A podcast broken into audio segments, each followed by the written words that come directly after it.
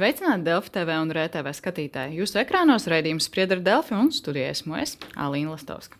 Saima ceturtdien augstākās tiesas tiesneses amatā apstiprināja bijušo satversmes tiesas vadītāju Sanitu Osipovu. Šī bija otra reize, kad Sanita Osipova kandidēja uz šo amatu, jo iepriekšējais saimas sasaukums viņas kandidatūru negaidīti neatbalstīja. Par tiesu varas Par tiesu varas neatkarību, taisnīgumu un arī citiem jautājumiem šodien arī iztaujās Sanitos Pils. Sveicināti! Labdien! Un kopā ar mani viņu iztaujās kolēģis no aģentūras Leta, žurnālists Kristaps Ugainis. Labdien! Un eh, vispirms nu, parunāsim par apstiprināšanu amatā. Kā jau minēju, ievadā Tas bija otra reize, kad saimā notika šīs balsojums. Pirmā reize tiešām bija diezgan negaidīta, ka tas balsojums nebija atbalstošs. Nu, šoreiz bija pārliecība, ka jūs ievēlēsiet šajā amatā. Jūs zināt, ka ar simts cilvēkiem ir tāpat kā vinnijas pūks ar bitēm. Tur nekad droši nevar zināt, kā tas viss rezultēsies. Nebija pārliecība līdz galam. Arī šodien, neskatoties, kā ar vairākām frakcijām jums bija sarunas, nu, jā, laikam deputāti parāda to gala vārdu balsojumā, un tad tikai var saprast, ko viņi līdz galam domā. Bet par to apstiprināšanu amatā. Mēs varam atgādināt par to balsojumu. Jūs atbalstīja jūsu kandidatūru 51 deputāts. Nu, tāds vairākums, bet tikko pāri 50. Kā jums šķiet, vispār ir tam nozīme, vai tiesnešu kandidatūru atbalsta 51 vai 91 saimnes deputāts. No gala rezultātā jau nekas nemainās. Un uh, iepriekšējā reizē, kad mani vēl tik plaši nepazina un es gāju uz satversmes tiesas tiesnesi, tad nebija iebildumu par to, ka es neesmu strādājis par tiesnesi, tad nebija iebildumu par to, kāda tēma bija mana disertācija. Uh, visi atcerējās, ka pirms 13 uh, gadiem kopā ar Aigaru Strupišu un Aiju Riebu mums bija pētījums par tiesu varas efektivitāti Latvijā. Un man bija krietni labāks balsojums, kad es nevienam nezināmu profesoru no akadēmiskajām aprindām. Man bija patiesībā nu, gandrīz visi klātesošie nobalsojuši par, pāris atturējušies. Tātad vienā gadījumā balsoja par sabiedrībā plaši nezināmu, bet uh, savā profesionālajās aprindās atpazīstamu personu. Šī gadījumā balsoja jau par cilvēku, kas ir bijis tiesnesis, Tostarp taisīs šos sensitīvos un, un skaļos spriedumus, bet galvenais, kā satversmes tiesas priekšsēdētājiem, man bija pienākums šos spriedumus skaidrot sabiedrībai. Vai jūs sekojat līdzi arī tam debatēm, kas norisinājās saimā gan šoreiz, gan arī iepriekšējā reizē? Ziniet, abas reizes man sanāca dzīve iegriezties tā, ka es nevarēju sekot saimnes debatēm līdzi, jo pagājušajā reizē es biju Berlīnē Un šajā reizē es biju lekcijās. Tā pašā laikā mm, cilvēki atstāsta, un es esmu arī daļēji iepazinusies ar to, kādi argumenti par un pret mani tika virzīti. Un pirmajā reizē šiem argumentiem vispār bija ļoti maz saistības ar mani. Tie bija argumenti pret satversmes tiesu, pret konkrētu spriedumu vienzimumu pārtiesību lietā, kur tika argumentēts, ka tiek grauds ģimenes institūts Latvijā. Tātad patiesībā nu, viņi, pēt, viņi vērtēja nevis mani kā profesionāli, bet vērtēti tika satversmes tiesas spriedumi. Arī šajā reizē, ejot cauri procesam, eh, Saimnes juridiskajā komisijā, eh, tika minēti ne tikai šis viens spriedums, tika minēts arī spriedums Stambulas konvencijā un spriedumi, kas tika pieņemti Covid laikā ar valsts noteiktajiem ierobežojumiem. Vēl runājot par debatēm, es gribētu atgādināt pāris argumentus. Tie ir pretēji argumenti. Viens ir Edmunds Ziltiņš un Latvija pirmajā vietā. Neviens jau, nu, piemēram, es tiešām neapšaubu uh, Osipovas kundzes uh, profesionalitāti. Bet šeit runa ir nevis par profesionalitāti, bet par vērtībām, ko mēs pārstāvam. Un ja mums šobrīd satversmes tiesa pasaka to, ka mums var būt Latvijā dažādas ģimenes, tad es pasaku no šīs tribīnes, ka mums tāda satversmes tiesa nav vajadzīga.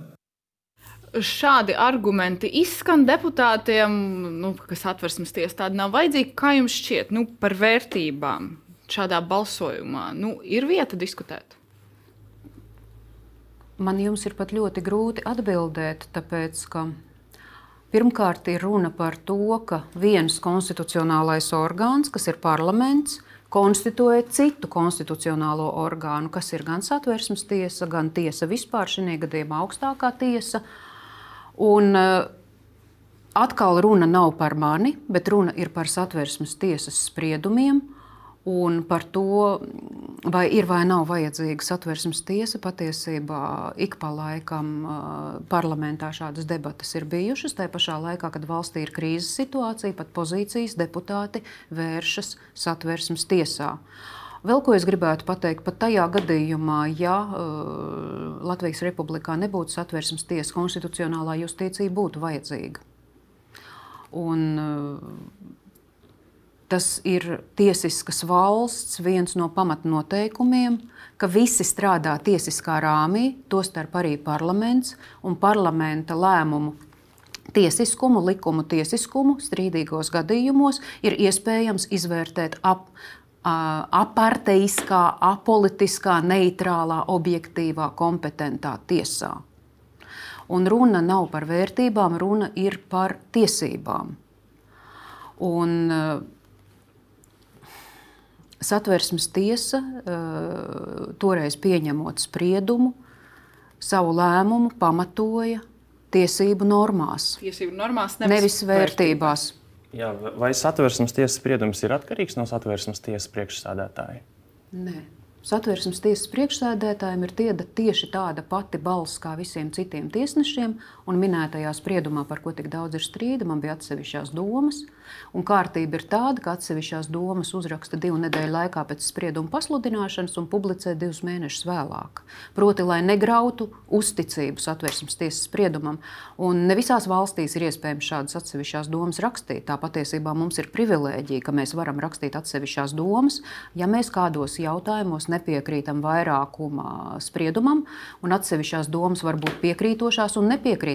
Jo reizēm tiesneši uzskata, ka gala rezultāts ir pareizs, bet metodoloģija ir nepareiza. Un atsevišķajām domām ir milzīga nozīme, jo pirmkārt viņa parāda iespēju, kā vēl uz šo problēmu varētu apskatīties, to starp likumdevējs, to starp tiesību zinātnieki. Un vienā gudrā amerikāņu grāmatā es lasīju, ka konstitucionālās tiesas spriedums maina šodienu atsevišķās domas iezīmē rītdienu. Tad kāpēc, jūsuprāt, šie vairāk nekā 40 politiķi neieklausās, nu, piemēram, Tieslietu padomes lēmumā vai Eiropas komisijas aizrādījumos? Kāpēc viņi turpina izmantot šo spriedumus un sakot, ka jūs esat tā persona, kura ir gandrīz vai vienpersoniski pielēmuši šo spriedumu? Pirmkārt, saimas tribīna ir iespēja uzrunāt savu elektorātu, un viņi nelaiž garām šo iespēju uzrunāt savu elektorātu. Nākamā gadā ir Eiropas Savienības parlamenta vēlēšanas, tātad mēs esam atkal priekšvēlēšana gadā, iesildīšanās jau notiek. Man ir grūti atbildēt uz šo jūsu jautājumu, jo katrs jau izmanto iespēju uzrunāt publiku tā, kā viņš to uzskata par pareizu. Un Te ir problēmas dialogā starp tiesu varu, kura vienmēr dialogā piedalās korekti un kura ļoti likumu rāmjos ierobežota. Jo, piemēram, ja tiesnesis publiski lieto neadekvātus izteicienus vai neadekvāti uzvedās, ir tiesneša ētikas komisija, ir iespēja ierosināt pret tiesnesi disciplināru lietu par rupju ētikas normu pārkāpumu kas ir ļoti iedarbīgs līdzeklis. Tāpēc tiesneši reizēm pat izvairās lieki runāt ar presi, lai nepateiktu kaut ko lieku, jo tās sekas tiesnesim ir iespējams diezgan bargas. Nu, otrai pusē tik stingru robežu komunicējot eh, nav, kā tas ir tiesnešiem. Es pieminēju to vienu citātu, kur eh, deputāts runāja par vērtībām, eh, nevis profesionālitāti, un bija arī pretējais viedoklis Agnesa Krasta jaunā vienotība. Visi šeit ievēlētie kolēģi ir politiķi un aizstāv vienu vai otru ideoloģiju un politiskos uzskatus, bet neaizmirsīsim, ka tiesiskumam ideoloģijas nav. Tiesiskumam ideoloģijas nav. To mēs varam, nu, raugoties uz to, kā tiek pieņemti lēmumi, teikt, ka tiešām tā tas ir. Jums ir jāsaprot, ka tiesneša īstenotajam tiesiskumam ideoloģijas nav, bet likumdevējs tiesību normās valdošo politiku, pozīcijas pārstāvēto politiku ir ielicis. Taču jums ir jāsaprot, ka Latvijas likumdevējs nestrādā tikai Latvijas līmenī. Mums ir jā, jāievēro arī Eiropas Savienības tiesības, mums ir jāievēro Eiropas cilvēktiesību konvencija, mums ir jāievēro Eiropas Savienības tiesas judikatūra, mums ir jāievēro Eiropas cilvēktiesību tiesas judikatūra. Un tāpēc Latvijas tiesa strādājot no vienas puses, viņa strādā šajā Latvijas likumdevēja izveidotajā tiesiskuma ietvarā. No otras puses, šis Latvijas izveidotais tiesiskuma ietvars nedrīkst būt pretrunā ar to lielāko tiesiskuma ietvaru. Un eh, kaut kādā brīdī tas eh, nacionālais likumdevējs atsevišķos gadījumos eh, vai nu satversmē neatbilstoši izdod kādu tiesību normu, vai arī tam lielajam rāmim, tām mūsu starptautiskajām saistībām atbilstoši. Nu, tad šī gadījumā, protams, kad mēs skatāmies, tur tām tiesību normām ir hierarhija, un mēs ņemam vērā to, kas ir augstāks par Latvijas līmeņa likumu. Nu, tad varbūt iznāk kaut kas, ka tā tiesa piemēro, bet ne tā, kā Latvijas likumdevējs ir gribējis. Ne tā kā Latvijas likumdevējs ir gribējis, bet nedaudz par tiem vēl izteikumiem. Vēl viens jautājums nu, par tādas atversmes tiesu mums nav vajadzīga. Kā minēja deputāts, jūs arī teicāt, ka tā diskusija neraisās pirmo reizi par satversmes tiesu, bet šo var vērtēt kā spiedienu, jūsuprāt, tādu politisko spiedienu, ko deputāti mēģina izdarīt jūsu ieskatā. Es domāju, ka nekas labs tas nav. Jums ir jāsaprot, ka satversmes tiesneši šobrīd ir jauni. Nevi, nu, tas nozīmē, ka mēs neaizejam no satversmes tiesas pensijā. Ļoti iespējams, ka vēl kāds satversmes tiesas tiesnesis izdomās, jo, saprotiet, tie desmit gadi tiesneša amatā, es nekad mūžā nedomāju, ka es gribēšu būt tiesnesis. Bet tajā brīdī, kad es strādāju kā tiesnesis, es sapratu, ka tas ir labākais, ko es kā jurists varu darīt Man pirms tam bija mm, advokāta tiesības iegūtas, viņas bija apturētas uz satversmes tiesas tiesneša darbības laiku. Un pēdējos mēnešos es sapratu, ka es vairs nespēju būt advokāts. Es vairs nespēju nostāties vienas personas pusē, tāpēc ka es skatos no malas un uz abu pušu tiesībām. Un es uzrakstīju atlūgumu, tā, ir, tā es arī motivēju, ka es nespēju pilnvērtīgi veikt advokāta pienākumus. Un tas nozīmē, ka varbūt vēl kāds no šobrīd sastāvā esošajiem satversmes tiesnešiem izlems doties vai nu uz augstāko tiesu, vai uz kādu no starptautiskajām tiesām. Ir Eiropas cilvēktiesība tiesa, ir Eiropas Savienības tiesa, bet uz visām jau mēs ejam cauri šīm nacionālajām struktūrām. Mums ir jāapstiprina, mums ir jāpalaiž šajā tiesneša amatā uh, tiem, kas ir šobrīd pie politiskās varas. Un tas var atspēlēties. Tas varētu būt spiediens maniem kolēģiem. Es neticu, ka uh, viņi būs šobrīd piesardzīgāki, bet patiesībā signāliņš, ka rīkojoties tiesiski, Viņi var eh, kaut kur nākotnē sev atņemt iespējas karjeras izaugsmē. Tāds signāliņš noteikti tas ir. Un tad mēs laikam varam nonākt līdz tiem jautājumiem, par kuriem mēs jau runājam pirms ētera, par to, nu, kā tie tiesneši tiek apstiprināti amatā. Jo jūs arī pēc, tā, pēc šīs saimnes balsojuma teicāt, nu, ka jūs apstiprinājāt amatā, bet sistēma jau nav mainījusies. Un tas bija viens ierosinājums, kas nu, pagaidām dzirdīgas ausis nav guvis. Pēc tam, kad mani neapstiprināja gan valsts prezidents, gan augstākā tiesa, domāju par to, ka vai vajag mainīt kaut ko normatīvajā regulējumā. Jo jūs saprotat, ka valstīs ar stabilu juridisko kultūru mm, šīs attiecības starp konstitucionāliem orgāniem, to starp tiesnešu nozīmēšanu, regulē ne tikai rakstītie likumi, bet ir kaut kāda konstitucionālā tradīcija, ārpus kuras nedrīkst iziet. Latvija ir jauna demokrātija, un Latvijā ļoti dinamiski mainās politiskie spēki. Mums katrā parlamentā ar milzīgu balsu skaitu visu laiku ienāk kāds jauns politiskais spēks, kurš tikai mācās šo politisko kultūru un to, eh, kādā rāmī strādā likumdevējs. Un tajā brīdī, kad viņi ir iemācījušies, Viņi atkal izbirst un nāk nākamais jaunais politiskais spēks. Un tāpēc tas, kas daudzās citās valstīs nav rakstīts, tur regulē šī konstitucionālā tradīcija pilnīgi skaidri, ko drīkst, ko nedrīkst, kādas ir cieņpilnas debatas, kādas nav pieļaujamas. Tad Latvijā bija šī ideja, ka varbūt kaut ko varētu pagrozīt likumos. Nu, līdz kaut kādiem reāliem rezultātiem nav nonākuši. Es gribētu te pieminēt, ka piecus gadus atpakaļ es piedalījos eh, Eiropas līmeņa vienā tādā diskusijā. Bija veikts pētījums par tiesnešu neatkarību dažādās Eiropas Savienības dalību valstīs. Un bija atklāts paradoks. Bija atklāts paradoks, ka, eh, piemēram, Skandināvijas valstīs ir ļoti maz normatīvo aktu, ļoti maz likuma normu, kas regulē un aizsargā tiesnešu neatkarību. Taču cilvēki uzticās tiesu varai, un tiesneši jūtās neatkarīgi. Jaunajās demokrātijās tiek vairotas šīs normas, arvien jaunas un jaunas, lai garantētu tiesneša neatkarību un iecelšanas process ir viens no tiesneša neatkarības jautājumiem. Savukārt ne tiesneši jūtās līdz galam neatkarīgi, ne cilvēki uzticās tam, ka tā tiesa ir neatkarīga. Labi, bet kā mēs to varam labot? Vai tiešām mainot sistēmu, nu, vai tiešām mācoties un apgūstot tos nu, teiksim, tradīcijas, konstitucionālas un visu pārējo? Nu, gaidīsim, kamēr mainīsies politiskā kultūra, vai jūsuprāt, izmaiņas sistēmā būtu jāievieš? Jūs zināt, ka uh, ir tāds princips, ka tiesnesis, uh, kurš jau ir tiesājis, nebūtu jālaiž vairs cauri politiskam novērtēšanas procesam, jo, kā jūs pati šeit, uh, tajos citātos izvilkāt, patiesībā argumenti ir politiski. Argumenti ir nevis par cilvēku, bet par to, par tiem tiesas nolēmumiem, kuru pieņemšanā koleģiāli cilvēks ir piedalījies. Tā kā varbūt Latvijai arī ieguvums būtu nevis gaidīt, kamēr mainīsies politiskā kultūra, bet tomēr kādas vēl papildus garantijas iedot. Jo arī starptautiski jau ir pamanīts, ka Latvijai šis ir viens no tādiem nu, nejaukiem apdraudējumiem tiesiskuma stiprināšanā par politisko vidi vēl kaut ko, vai ejam jau pie konkrētiem? Nu, man viens jautājums par satversmes tiesas spriedumiem. Jūs, uh, kad jūs bijāt satversmes tiesas priekšsēdētāji, jūs teicāt, ka būtu jāizveido kaut kāds uh, orgāns, kurš uzraudzīs satversmes tiesas spriedumu izpildi. Vai jūs joprojām tā uzskatāt, un kā tas varētu izskatīties? Uh. Es nebiju ilgu laiku satversmes tiesas priekšsēdētāja, bet man bija vairāki jautājumi, ar kuriem es vērsos gan pie tieslietu ministra tā laika, Bordāna kunga, gan arī pie prezidenta Levita kunga. Un uh, runa bija par divām lietām.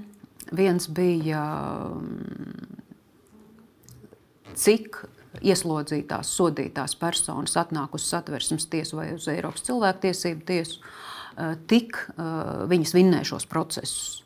Un grūtāk izpildāmie nolēmumi arī ir tieši par ieslodzītajām personām.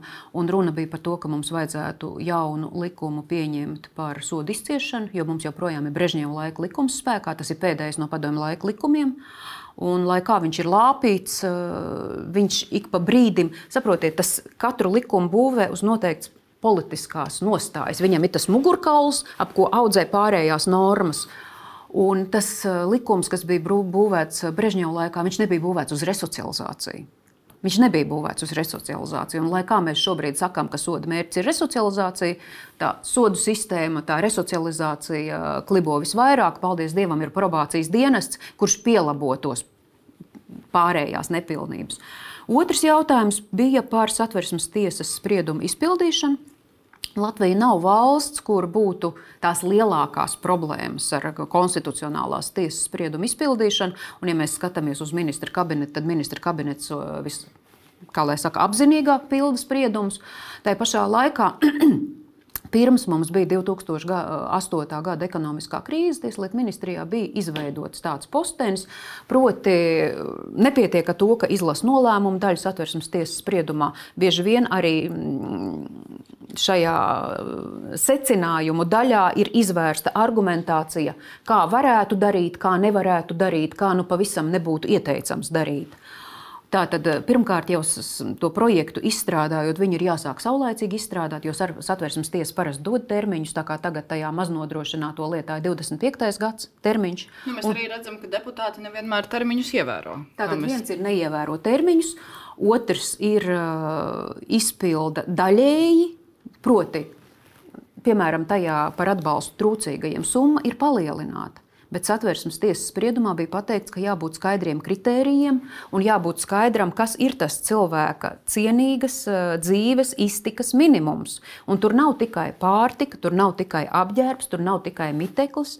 Tur nāk iekšā arī tas, ka tas cilvēks nav atstumts no pārējās sabiedrības, ka viņš var ņemt līdzdalību sabiedrības dzīvē.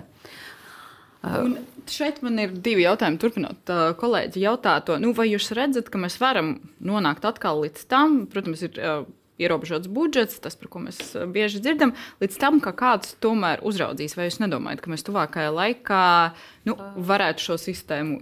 Saprotiet, ka īsti uzraudzīt nevarēs, jo tā persona nebūs virs saimas, nebūs virs ministru kabineta, bet viņš varēs nākt un māt to sarkano karodziņu. Ir pienācis termins, izstrādātajā projektā ir tādi riski, ka, ja, piemēram, kāds atkal vērsīsies satversmes tiesā, atkal būs zaudējums. Tas projekts neaptver visas tās prasības, kas iepriekšējā spriedumā ir izdarītas. Proti, mm, tas labākais risinājums, ko es pirms kāda laika dzirdēju, bet jums jāsaprot, ka tas viss bija pirms sākās karš Ukrajinā. Un mēs savu valsts iekšējo sakārtošanu lielā mērā esam pārkārtojuši uz valsts aizsardzības stiprināšanu. Un ir skaidrs arī, ka visās līnijās, visos virzienos vienlaicīgi valsts sakārtot ir grūti, bet tas labākais risinājums, ko es dzirdēju pirms sākās karš Ukrajinā, ka tas varētu būt cilvēks pie valsts kancelējas. Bet, nu, jebkurā gadījumā pašlaik neizskatās, ka tā iecerē varētu nu, tā raiti virzīties uz priekšu. Viņu šobrīd neviens nekustina, neviens nav aktualizējis, es esmu ļoti pateicīga, ka šobrīd ēterā jūs šo jautājumu esat izcēluši, jo viņš ir svarīgs. Jo, nu, saprotiet, nebūs jātērē lieki valsts resursi. Jo, ja tas jautājums vēlreiz atgriežas satversmes tiesā, pirmkārt, uh, pret kaut kādiem cilvēkiem ir izdarīts pretsatversmi, nu, prettiesisks kaut kādu laiku. Tas cilvēks ir dzīvojis pretiesiskā regulējumā. Tātad, pirmkārt, valsts būs tiesiskāka, ja ar pirmo reizi un saulaicīgi tas jautājums tiks atrisināts. Un otrs, kam jūs pieskarāties savā atbildē, jūs teicāt, ka ministru kabinets ļoti labi tiek galā, un tad saimnes deputāti ir tie, kas vissliktāk teiksim, labo savas kļūdas. Uh, nav runa par to, ka sliktāk labo savas kļūdas. Ministra kabinetam varbūt ir vienkāršāk labot. Tāpēc, ka uh, lielos politiskos jautājumus pieņem tikai saima. Ministra kabinets izstrādā kārtību, kā šis jautājums ir jāīsteno dzīvē. Sa, nu, Un grūtāk ir vienoties par lielajiem politiskajiem jautājumiem. Nu, satversmes tiesa savos spriedumos atkārtot ir uzsvērusi, ka pamattiesību ierobežojums var noteikt tikai likumdevējs, un likumdevējs ir saima vai tauta šai nozīmē. Tāpēc ministra kabinetam tie uzdevumi ir vieglāk izpildāmi. Viņi nav tik politiski sarežģīti. Nu, un nu, tie politiskie sarežģītie jautājumi, mēs redzam, nu, ka nevienmēr tiešām virzās un tiek izpildīti termiņos. Nu, tad, nu, faktiski pašreizējā situācijā mums paliek nu, tikai gaidīt to likumdevēja labo gribu, un kad attiecīgām jautājumam ir vairākums. Vai tas jums nešķiet, nu tā, ja mēs runājam no tiesiskuma viedokļa, nu, nedaudz nepareizi? Jo mēs redzam, kas notiek ar vienzimumu pāru regulējumu. Piemēram, tas lēmums bija sen, termiņš bija sen. Tas ir lēmums, nevis viens. Un joprojām likums, nu, vēl mēs gaidām. Norma apstrīdētā norma ir pagrozīta. Jums ir jāsaprot, ka to spriedumu, nolēmuma daļu likumdevējs ir izpildījis. Jo pie kam gudri izējot no situācijas, ir ļauts mātei izvēlēties, kura persona varēs izmantot šo tēva atvaļinājumu. Tā ka tas spriedums ir atrisināts. Tā pašā laikā satversmes tiesa, saprotiet, tas nebija nolēmuma daļā par to, ka ikvienai ģimenei eh, Latvijas Republikā ir nepieciešama tiesiskā aizsardzība. Tas, tas ir tādas... likuma gars, nevis burts, kā atvainojos, sprieduma gars, nevis burts. Tas dod tādas plašākas iespējas arī politiķiem izpildē. Tas tā mēs varētu interpretēt. Bet, ja mēs runājam par vēl par jūsu izteikumiem un par to, kas ir svarīgi, jums Latvijas televīzijā jautāja par to, ka nu, tūlīt aprit desmit gadi kopš Zoltūdas traģēdijas, par to spriedumu, un jūs teicāt, ka taisnīgumam ir jāuzvar saulaicīgi. Kā ja mēs runājam par tiesas termiņiem Latvijā, tiesvedību termiņiem ilgi, ka tas, nu, tas nav īsti situācija pieņemama. Nu, cik mums šīs princips tiek ievērots, jūs saprotat, par to, ka taisnīgumam ir jāuzvar saulaicīgi? Jā, tas ir tāds vispārējais tiesību princips, ka taisnīgai tiesai ir jābūt ne tikai likumīgai, bet taisnīgai tiesai ir jābūt arī saulaicīgai. Tad kopumā Latvijas tiesas termiņos iekļaujās labi. Eiropas vidējos rādītājus salīdzinot, Latvijas eh, spriedumi nebūtu nenāk eh, visgarākajos termiņos. Taču atsevišķās sarežģītās lietās mums ir nepiedodami ilgi eh, jāgaida personai tiesas nolēmums, un, piemēram, arī ar tiem pašiem vai dieviņu nu, jau 11 gadus atpakaļ bija 13. janvāra grautiņi pie parlamenta, pie sājuma mājas. Tad citās valstīs eh, līdzīgas situācijas tiek iztiesātas, atrisinātas daudz ātrāk. Mums tas process bija daudz garāks. Tātad, Tur, kur sastar, saskarās ar sarežģītām, bet jums ir jāsaprot, ka, ja mēs nosakām uz īsiem termiņiem, uz kā rēķina mēs noteiksim uz īsiem termiņiem, sarežģītā lietā tiesnesim ir jābūt rūpīgam. Materiāli ir iesniegti ļoti daudz. Nu, ja Personas varam... aizstāvībai izmanto visus maksimālos laikus. Tātad, uz ko mēs varam ietaupīt? Nu, bet, ja mēs runājam par to pašu Zeltūdas eh, lietu, nu, jūs redzat, kur tur bija teiksim, iespējas, lai to lietu mēģinātu iztiesāt raitāk? Grūti pateikt, kas tur viss nebija. Slimoja apsūdzētie, slimoja viņu advokāti. Uh, advokāts Aldis Gobzems uzņēmās par velti pārstāvēt Zolitūdas uh, traģēdijas upurus. Pēc tam viņš devās politikā un atteicās. Un tā tad bija jānāk iekšā jaunam advokātam, jāiepazīstās ar lietas materiāliem. Liet, lieta bija ļoti tehniska, sarežģīta. Man ir grūti pateikt, tāpēc es, nez, es, es zinu tikai to, kas ir publiskā telpā bijis. Bet, protams, tas tiesnesis, kas ir strādājis ar lietu, noteikti to ir darījis godprātīgi pirmā instancē kāda, jūsuprāt, vispār ir situācija Latvijas tiesu sistēmā, piemēram, ar spriedumu kvalitāti, sastādīšanu un tā tālāk? Jo Latvijā ir viens no lielākajiem tiesnešu skait, skaits uz 100 tūkstošiem iedzīvotāju Eiropas Savienībā, vispār vairāk tikai Balkānu valstīs un Monako. Līdz ar to, kā jūs vērtējat šo kvalitāti, tiesnešu kvalitāti tieši? Protams, ka ar studentiem mēs ņemam ārā kuriozus un analizējam. Taču tajā pašā laikā ar tieslietu padomes eh, gādīgu roku ir ļoti daudz darīts, lai sprieduma rakstīšanas tehnika uzlabotos. Tostarp ir vadlīnijas izstrādātas. Un, uh, arī mm, tiesneša apmācības centrs ļoti intensīvi strādā. Tiesneši visu laiku ceļ savu kvalifikāciju. Un, uh, pēdējos gadu desmitos ir izveidota tā situācija, tiesneši ir iecelti uz mūžu. Un jums varbūt eh, cilvēkiem no malas liekas, ka viņi to visu mūžu tikai to vien dara, kā raksta spriedumus un guļ uz lauriem, uz vecām zināšanām. Tā pašā laikā ir eh, izveidota tiesnešu kvalifikācijas vērtēšanas komisija. Eh, tiesneši apmeklē tiesnešu mācību centru, viņi regulāri ik pa noteiktu gadu skaitu iziet šo pārvērtēšanu. Tostarp viņi arī mācās, kā labāk rakstīt spriedumus. Un pēdējos piecos gados viennozīmīgi spriedumu rakstīšanas tehnika, tā arī ir tehnika, tā arī ir zinātnīs sprieduma rakstīšana, viņa ir tikusi ievērojami sakārtota. Kopumā runājot par kvalitāti, nu, nav lielu mums, teiksim, bažu, par ko būtu jārunā. Tad ar kvalitāti mums arī tā situācija uzlabojās. Viņa uzlabojās, vai viņa ir laba, vienmēr var gribēt labāku, bet tieši tāpēc jau ir izveidota vairāku instanču tiesa, ka, ja cilvēkam ir šaubas par pirmās instances tiesas sprieduma likumību, viņš uzskata, ka viņam tomēr ir taisnība un ka viņš noteikti otrajā instancē vinnēs, tad ir iespējams pārsūdzēt. Un cilvēki visi jau arī izmanto. Lielākā daļa izmanto šo iespēju pārsūdzēt tiesas spriedumu, un tad viņi vai nu pārliecinās, ka pirmā instance ir spriedusi taisnīgi, vai ja viņus arī otrā instance nepārliecina, nu tad ir trešā instance, kasācijas iespēja. Nedaudz arī par politiķu idejām. Vēl es gribētu parunāt, bija mums ziņas, kur premjerministra ir paudusi, ka varētu runāt, diskutēt par pilsonības atņemšanu naturalizētajiem pilsoņiem, kas kļuvuši par Latvijas nodevējiem. Nu, kā jums šķiet tāda norma, ņemot vērā regulējumu un to likumu, būtu iespējama? Tā noteikti nebūtu pilsonības likuma norma, tā noteikti būtu krimināla likuma norma, ka par noziegumiem pret valsti varētu atņemt pilsonību.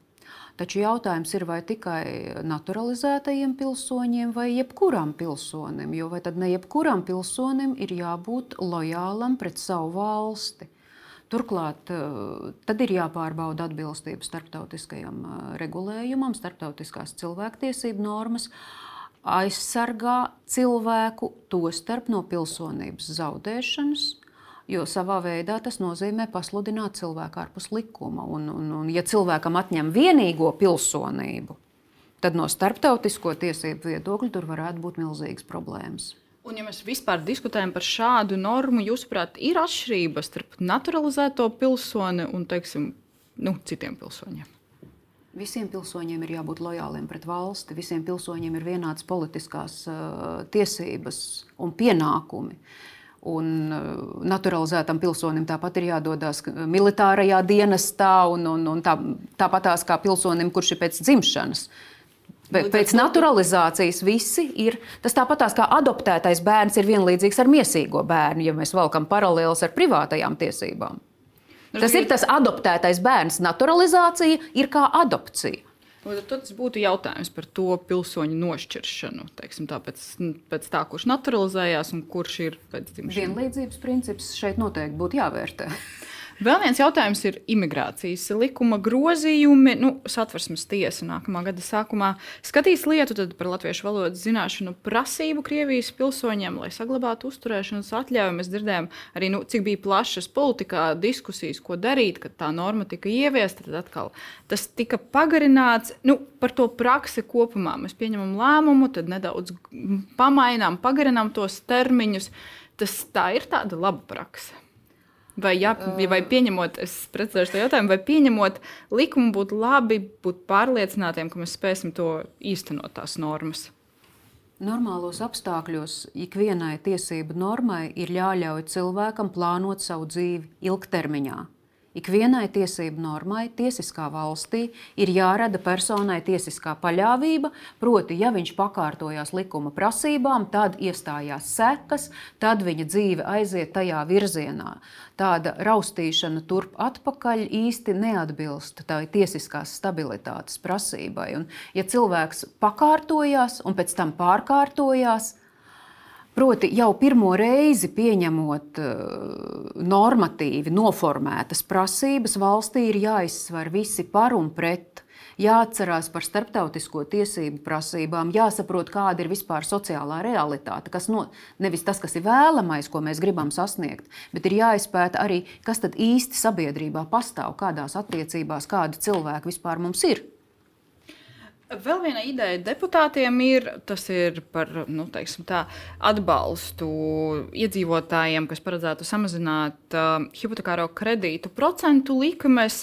Mēs dzirdam uzreiz nozares reakciju, ka tad, tad, tiesvedības riski tur pastāv. Un, uh, nu, arī Latvijas banka saka, ka nu, tas galvenais jautājums ir par to, cik mērķēta ir tā palīdzība. Jūs redzat, ka nu, tur varētu būt satversmības arī problēmas. Tur varētu būt satversmības problēmas. Un šodien eh, TV3 rīta ziņās Edgars Pastars ļoti detalizēti šo jautājumu izskaidroja. Valsts ar publiski tiesiskiem instrumentiem jaucās iekšā privātiesiskās attiecībās, kur īsti valstī nu, un ar atpakaļejošu datumu. Principā, nu, tas, tas izskatās ļoti nesmuki no tiesiskuma puses. Un Pastarkungs arī stāstīja par to, ka bankas saņem no privātu personām, kurām ir šie hipotekārie kredīti, lūgumus, individuāli vērtē situāciju.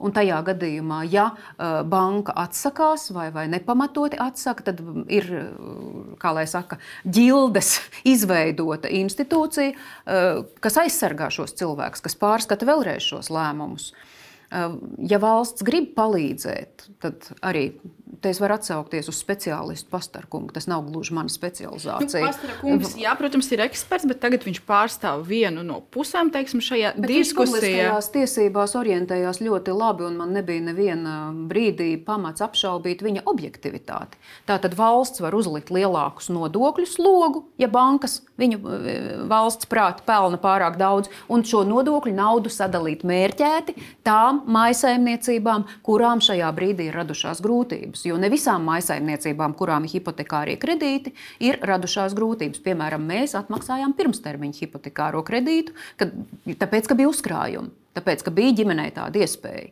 Citām ģimenēm tāda iespēja nav. Un tas, ko teica pie mums pagājušajā nedēļā finanšu ministrs Arvils Sašarādens, nu viņš saskata, ka viens no risinājumiem iespējams varētu būt, ja šādu atlaidu piemērot nu, teiksim, jaunām ģimenēm ar bērniem. Tas uzreiz to nu, teiksim, tā, cilvēku loku sašaurina. Jūsuprāt, tas risina? Ģimenes ar bērniem ir trūcīgas.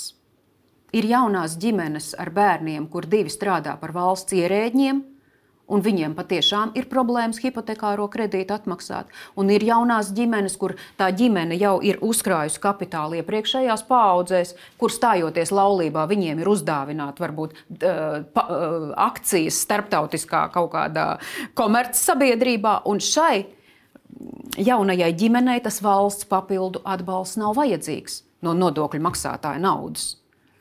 Nu, tad vajadzētu padomāt vairāk par to mērķēšanu. Vēl kāds no jautājumiem, vai uh, labi, bet kopumā runājot, jūs vienā no intervijām arī pēc apstiprināšanās esat runājusi par to, nu, ka jūs pret sevi izvirzat ļoti konservatīvus principus, jūs varētu ieskicēt, varbūt noslēgumā sīkāk, ko jūs ar to domājat?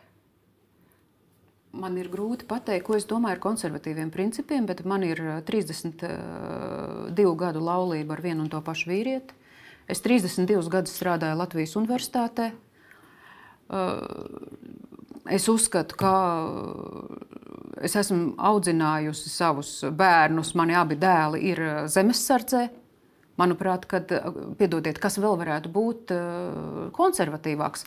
Viens vīrs, ilgtermiņā viena darba vieta, uh, Redziet, pie mums Latvijā pēdējā laikā ir tā, neskatieties, ko es daru, klausieties, ko es runāju. Bet varbūt, ka vajadzētu otrādāk, jo ļoti daudz cilvēki, kuri uh, proponē konservatīvās vērtības uh, savā dzīvē, viņas nebūtu tā neievēro. Šis noslēgumam tiešām ir ļoti labs aicinājums ieskatīties vairāk darbos. Paldies jums par šo sarunu. Paldies jums, ka skatījāties un uz tikšanos jau rīt.